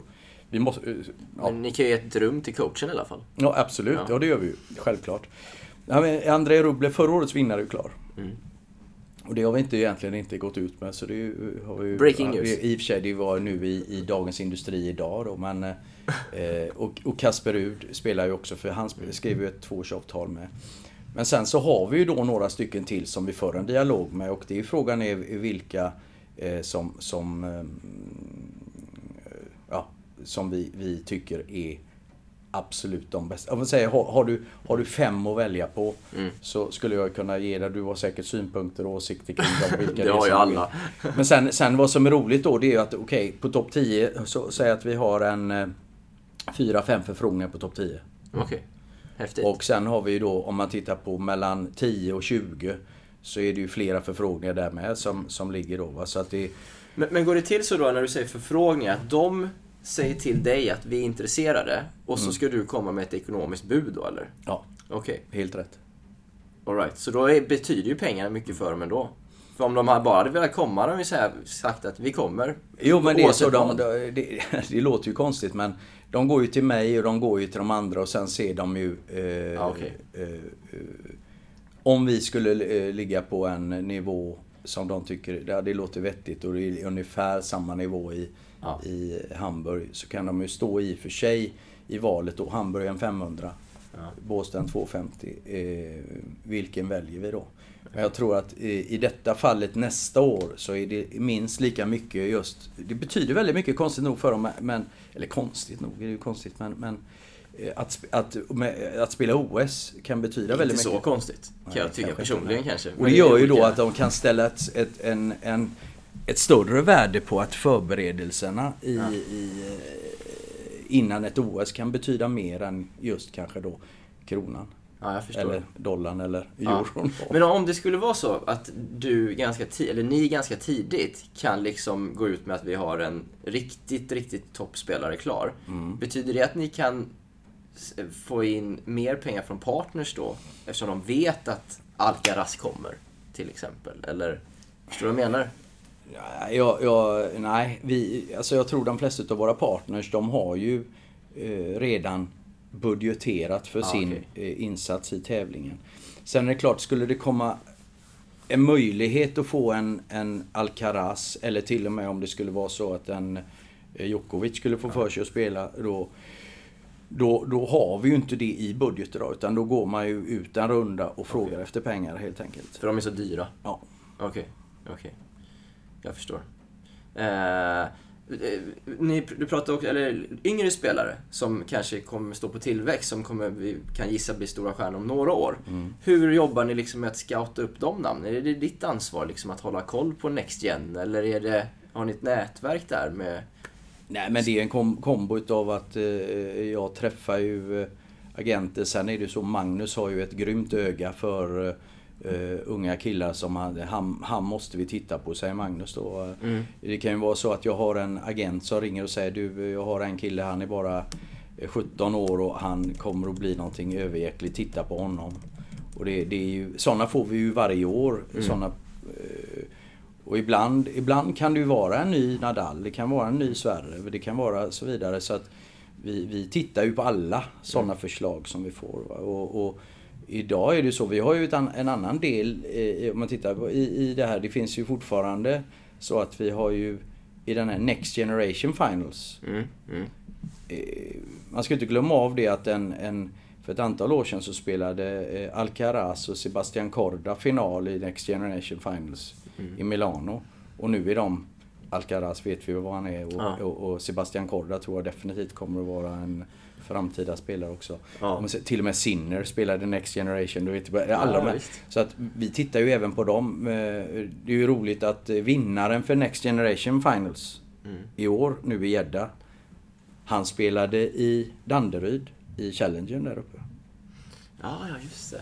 Ja, det är coolt ju. Så det är ja, coolt. Ja, verkligen. Och då kan man ju fråga sig, kommer den killen bli, var, kommer han att landa? Heter han Medje, Medjevic? Mm. Ja, något så här, jag ska inte ge mig på uttalet Ja, där. nej, men något sånt. eh, och eh, eh, det är svårt att förutse men det är en kille som mycket väl skulle kunna vara på en, en sån kurva, alltså Ja, ja. uppåtgående kurva på, på rankingen. Ja, exakt, Eh, exakt. Så att det, det är ju väldigt sådär, vi, vi försöker ju hitta dem. Ja. Det finns ju många spelare som är, vi tittar på en, en sån eh, i, i år med rekryteringen. Väldigt sent. Det var ju när en eh, Echeverri går fram till kvartsfinal i, eh, på Roland Garros. Relativt okänd. Mm. Möter ju eh, Sverre där va? Har det väl? ja, det kanske var. Eh, Och eh, samma dag som han skulle spela kvartsfinalen mot eh, Sverre då, eh, då ringde Juan Monaco eh, Eh, och sa ska vi ta ett möte? Jag var på väg hem den dagen. Och jag bodde inte så långt ifrån Roland Garros så jag springer till arenan och träffar då Mariano Zabaleta och eh, Juan Monaco. Och då sa han, ja vi representerar Echeverry, säger de då. Och eh, så här, vill du ha honom till Båstad? Ja, jag för sjutton. tänkte- Jag tänkte, vinner han mot Sverige där på, på eftermiddagen så, så går han ju, fan det är ju till semi va? Men Ja. då vet man ju inte var det tar vägen. Nej, nej. Så eh, då gjorde jag upp med dem precis. Jag måste ha besked nu direkt, sa jag. Så eh, då fick han ju en liten slant för att komma plus extra hotellrum. Men det var, det var ju, ja, så det, det ser man typ en kille som man rekryterar eh, utan att egentligen veta vart han tar vägen på rankingen. Men. Men då hade du liksom ett färdigt kontrakt i väskan liksom, eller? nej. Eller hur är så- funkar det? Man nej, tar i hand eller? Nej, man, man, då skickar man ett mail med ett erbjudande eh, och sen så skickar de ett, eh, ett accept på det helt enkelt. Och sen Okej. gör man ju kanske då ett eh, avtal med det på det. Okej, okej, okej. Jag förstår. Eh, nu har vi skojat lite om det här Christer, men så här, hur, hur, får man ett rum annars liksom, eller? Eller vad ingår liksom Ja, du i har ju ett paketet? rum, ja, har okej. Och sen får man Du har ju ett, ett rum lite innan och sen har du ett rum efter då. Eh, om du åker ut tävlingen då så har du ett par nätter till. Men eh, Okej.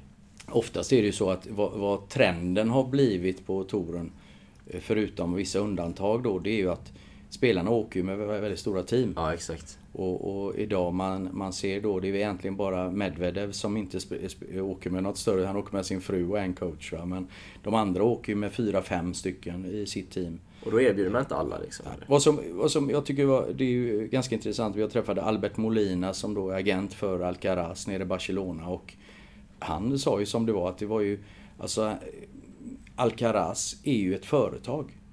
De har ju i praktiken då, det, produkten är ju Alcaraz. Sen har de coachen i Ferrero. De har alltså en som bara sköter sociala medier, en som sköter eh, en fysio, en, en, en, en, en som då är head of kan man säga, det är Albert Molina då. Sen har, så du har ju i, i det teamet så är det ju 6-8 personer som, som eh, finns där hela tiden runt omkring honom.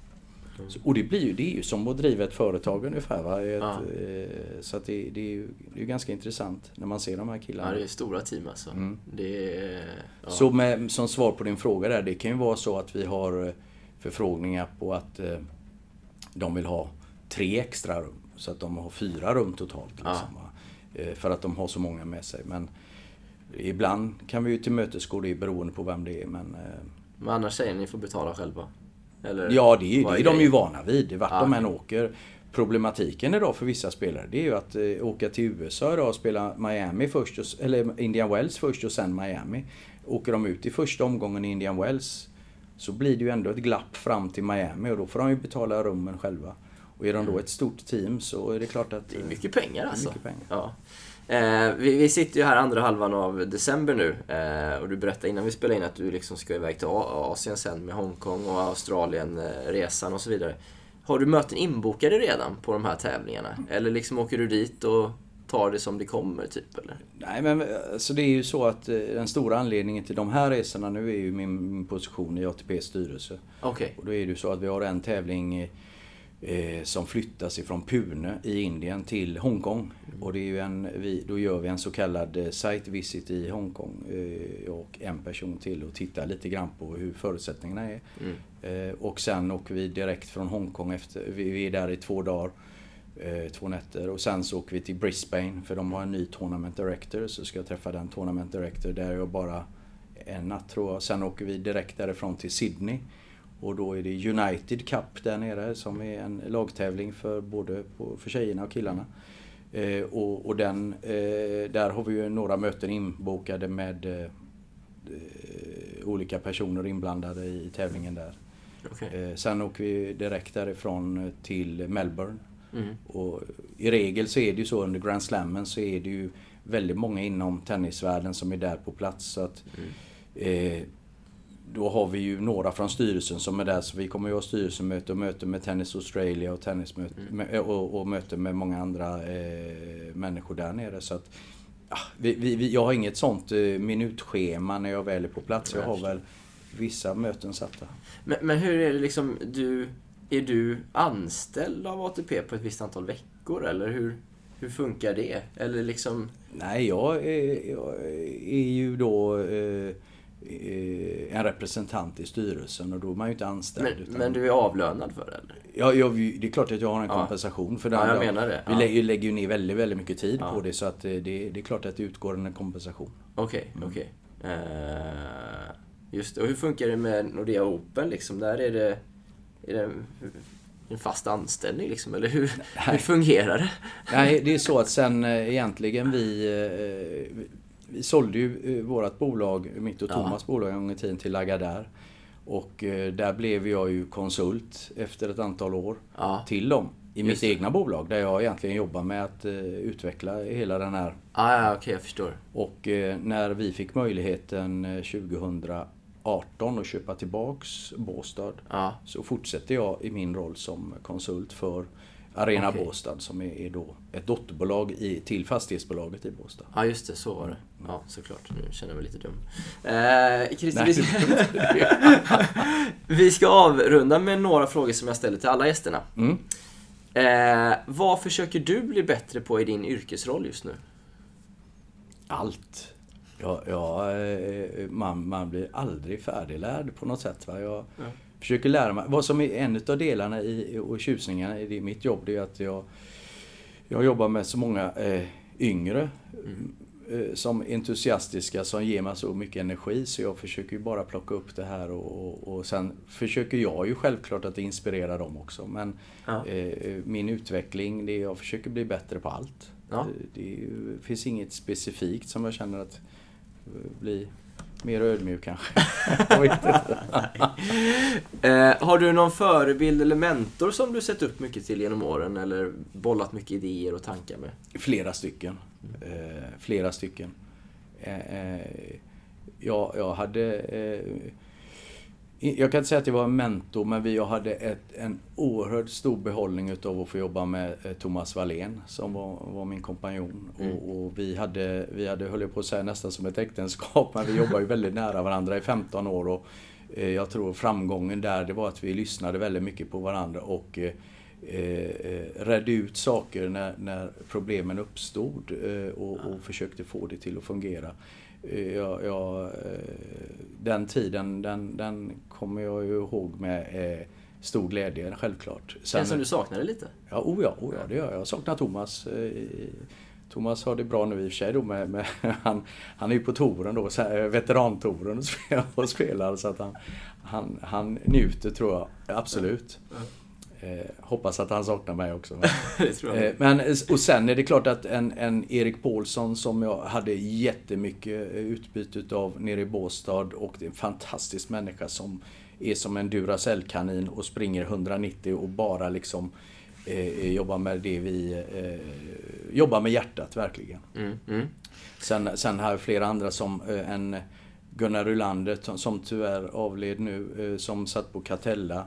Som jag hade som ett bollplank eh, många gånger. På den tiden hade vi Catella som både som en teamsponsor till Svensk Tennis men även som en, en stor partner till evenemanget i Båstad. En fantastisk människa, oerhört lyhörd och, och eh, sansad eh, eh, som jag tyckte väldigt mycket om. Eh, eh, vi, vi hade många sittningar på hans kontor i Stockholm. Mm.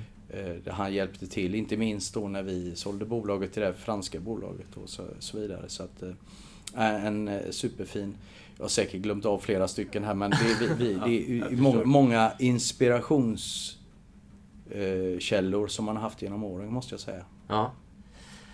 En film eller bok du hämtat inspiration ifrån? Åh herregud, nu satte du mig på pottkanten. Eh, eh, Alla flygningar, läser du någonting? Jag, jag läser mest det som är direkt relaterat till mitt jobb. Jag, jag måste säga det att är det så en kväll så kan jag ju mer läsa om, om, om delar som direkt relaterar till det vad jag gör och jobbar med. Okej. Eh, än vad jag eh, lägger mig med en bok. Ja, Eh, och det är ju ofta så att eh, man, man eh, man, man, man, man, jag tror man, ju mer informationer man kan hämta in och man får en förståelse av olika delar i sin verksamhet så, så tror jag att man kan bli bättre på, på många olika delar. Så att eh, jag kan inte direkt specificera någon, ingen bok som jag läser just nu. Nej. Jag läser en del såna här biografier och så vidare för att Okej. lära känna eh, personer. Så att Ja. det är eh, ja. Kul. ja. Eh, hur många resveckor har du per år? Åh herregud. Det måste bli en del va? Jag tror jag, jag eh, ligger nog någonstans på en 160-170 dagar. Okej, okej. Ja. Eh, hur har du förändrat ditt ledarskap på senare tid? Jag tror inte jag har, har eh, ändrat eh, ledarskapet på senare tid. Jag tror att vår, våran, eh, både min och Thomas när vi startade, våran, våran filosofi var ju att egentligen se alla. Mm. Och sen också tror jag att eh, ge alla en tillräckligt stor trygghet för att ta egna beslut. Mm. Eh, kan, man, kan man ge någon tryggheten att ta ett eget beslut då, då avlastar det ju mycket vad man själv gör självklart. Mm. Och, och eh, jag eh, har väl alltid sagt att det är helt okej att göra fel. eh, För man lär sig mycket på det också. Mm. Och, och sen så är det klart att nästa gång så gör man nog inte om det misstaget för då, då tar man nog eh, kanske ett annat beslut. Mm. Mm. Men, men framförallt då att skapa en, en teamkänsla eh, med de personer man har och framförallt då ge dem en, en så pass eh, god trygghet i sin roll. För det är också en, vad är min roll i den här organisationen liksom? Mm. Det tror jag också är viktigt. Så att ja, jag kan väl... Jag hoppas i alla fall att jag har lyckats med det och det känns så. Vi är väldigt många som har jobbat många år tillsammans med mig och med mig och Thomas. Så att eh, jag tycker det är, är eh, en del i mitt ledarskap. Jag funderar lite grann när jag pratar. Ja, nej, men det är hör- kul att höra. kanske. Ja, ja. Men det, det, är väl, det, det är väl de delarna som jag tror... eh, Mm. Så vi, vi, vi har ju skojat om det ibland, jag och, och, och Thomas i början när vi körde. Vi, vi var ju som trädgårdsmästare. Vi går bara runt och, och vattnar blommorna, va? Ja. Eh, eh, som vi kallar det då. Ja, ja, det var ju för att de skulle växa och, och må bra och känna att eh, vi är närvarande och att vi ser dem. Det är bra filosofi. Ja. Ja, verkligen. Eh, vilken skulle du säga är svensk tennis största styrka? Eh, ja, den är ju bra, eh, bra fråga. Om det är en styrka eller om det är en svaghet, nu vet jag inte. Men vi har ju en, en styrka i våra historiska framgångar vi har haft. Mm. Vi har ju en enorm kompetens bland våra eh, spelare som har varit extremt framgångsrika och vi har ju en, en förståelse för den. Jag tror att också det speglar lite grann det stora tennisintresset som faktiskt finns i Sverige. Mm. Eh, Det tror jag är våran styrka, att vi har det. eh, Den, den historien. Mm. Eh, Och, och lite grann som man säger då att eh, eh, man måste nog förstå historien för att och, och försöka bli bättre för, i framtiden. Va? Och, och det är lite grann, tror jag. Men, men så här långt har det inte hjälpt riktigt. Nej, jag tänkte ju... Att, att förstå historien för att ska skapa det en ge, bättre när ska det framtid. ge resultat då? Mm, ja, precis. Men eh, ja, det skulle jag väl säga. Sen, Ja. sen är det väl bara, och, och, när jag, samtidigt som man säger det så eh, Precis som- som det finns inom säkert många andra fot, fotboll och, och, och, och hockey och så vidare. Vi, vi har ju eldsjälar ute i tennisklubbarna i Sverige idag. Ja. Jag har träffat många av dem och det är ju fantastiskt att vi har det. Eh, Jag menar, vi, det är en superstyrka vi har. Alltså det, det är ju en superkraft, om man ska säga så. Med den, det som ligger från egentligen gräsrotsnivå. Eh, En person som jag tycker gör ett eh, enormt jobb där, eh, om man ska ta ett exempel, det tycker jag är, Gusten, Magnus Gustafsson. Ja. Som jobbar med Klein Players och smålirarna och med det engagemanget som han och Christian Bergström gör med dem. Det, det, det är, tänk, tänk om vi hade ännu mer utav det. Det, det tror jag det är. Men då kommer man tillbaks till det, både Christian och Magnus har ju varit historiskt sett då enormt bra tennisspelare. Ja. Och, och det de gör nu, och, och jag kan väl säga vi, vi har precis ingått ett samarbete med eh, Gusten, med Nordea Open, där eh, vi kommer att eh, supporta och eh, stötta upp eh, Klein Players och eh, smålirarna då. Ja. Med Nordea Open, smålirarna som Nordea Open Klein Players. Ja, vad häftigt. Så att eh, det är, vi har inte riktigt gått ut med det nu, jag går ut med det här nu. Men eh, det, och, och det är ju för att egentligen tycker jag, eh, eh, kan tyckas som en självklarhet, men framförallt då att stötta upp eh, Gusten i Mm. allt det han gör för de här. Gusten har gjort eh, otroligt mycket Mm. för eh, de juniorerna och för Göteborgstennisen och Ja. tennisen överlag. Eh, och han, eh, han har ju verkligen varit en eldsjäl där. Absolut. Eh, får man verkligen ge honom. Eh, så kul att höra, Mm. verkligen. Om jag vänder på frågan lite då. Svensk tennis största svaghet istället? Ja du. Jag är inte så mycket för negativa grejer. Ja, men Ja, men svaghet. måste- Det, jag menar, jag, jag, jag, eh, ska jag säga någonting så är det väl att vi... Vi, vi, vi, vi är ju helt uppenbarligen sämre på, om man säger, säger så då, Mm. Mm. Ja, det får du göra. att, att ta våra talangfulla 16-17-åringar upp till en nivå där de då ska hålla en ATP och VTA-nivå. Mm. Det steget där, den transitionen. Och, och sen eh, tror jag i vissa eh, delar av landet så är ju en svaghet som vi gör det är att vi har brist på kapacitet med barnen.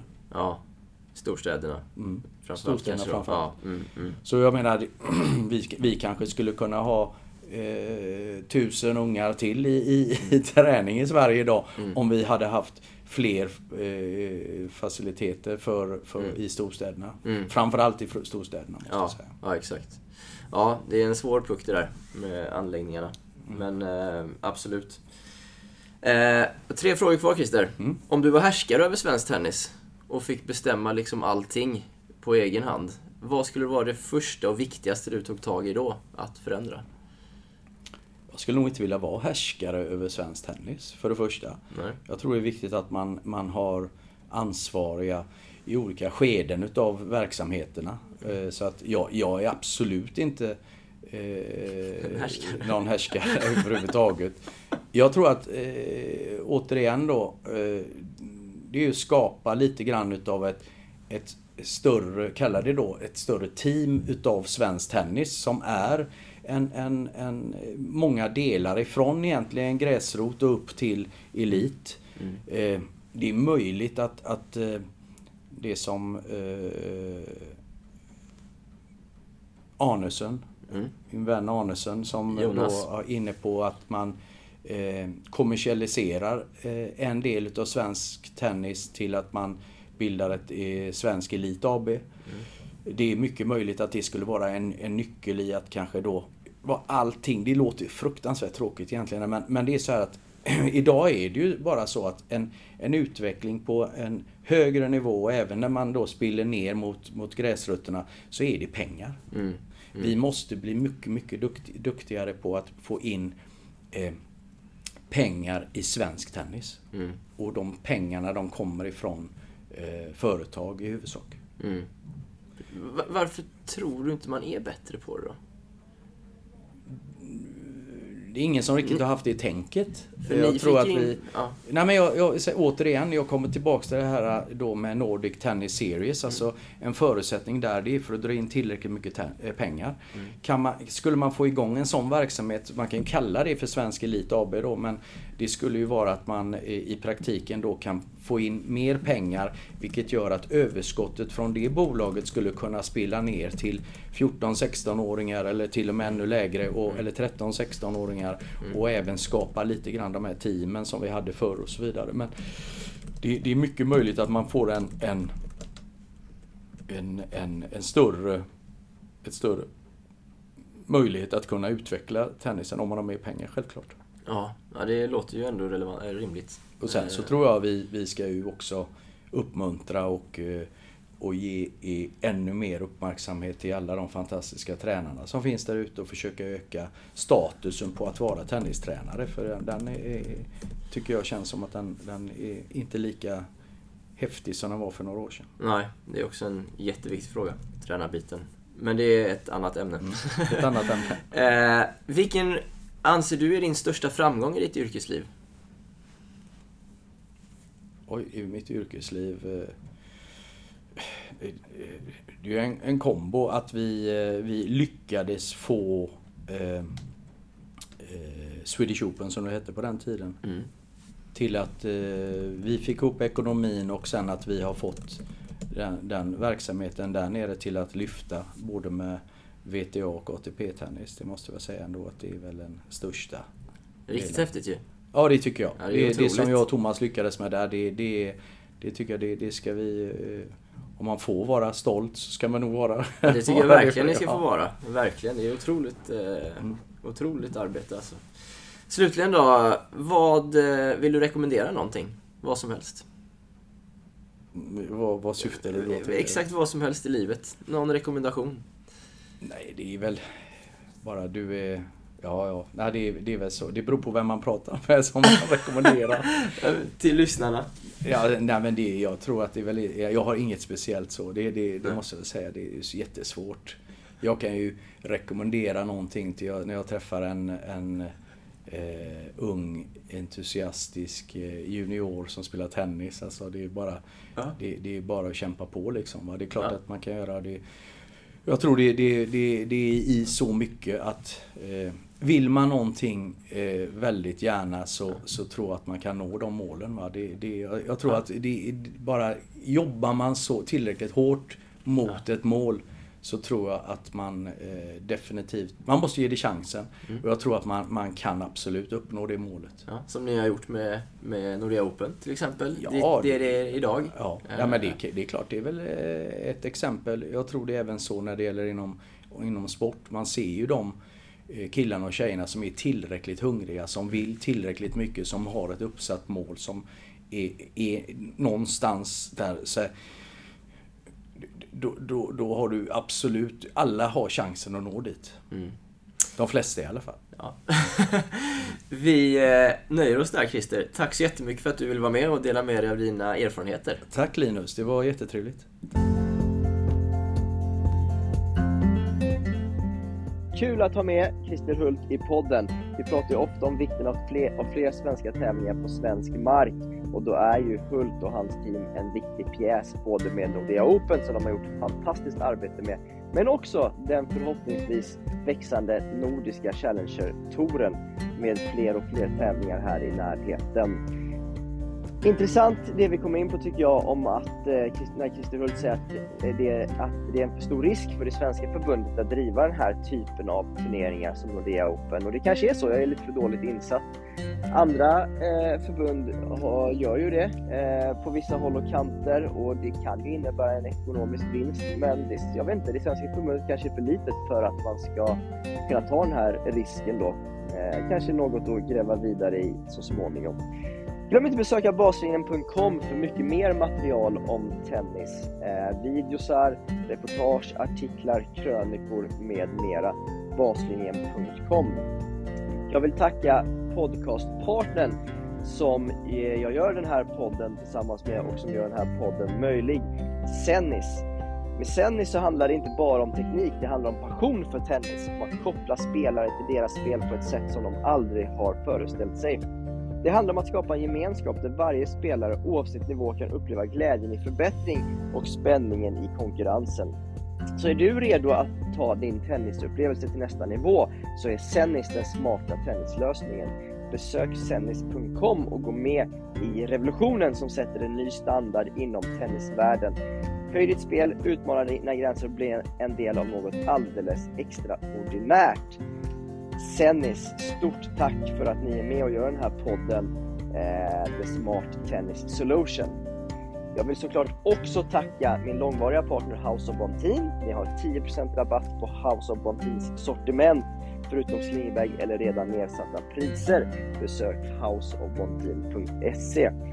Samt Lenhoff Tennis International så är med min stora trygga punkt när det gäller college-tennis. Lenhoff Tennis International är vår collegeexpert på baslinjen.com. Är du nyfiken på att ta reda på ifall college tennis är rätt för dig eller för ditt, ditt barn eller ungdom? Besök LTI's hemsida för mer information. lenhofftennisinternational.com Tack allihopa samt såklart också alla partnerklubbar. Vi hörs snart igen.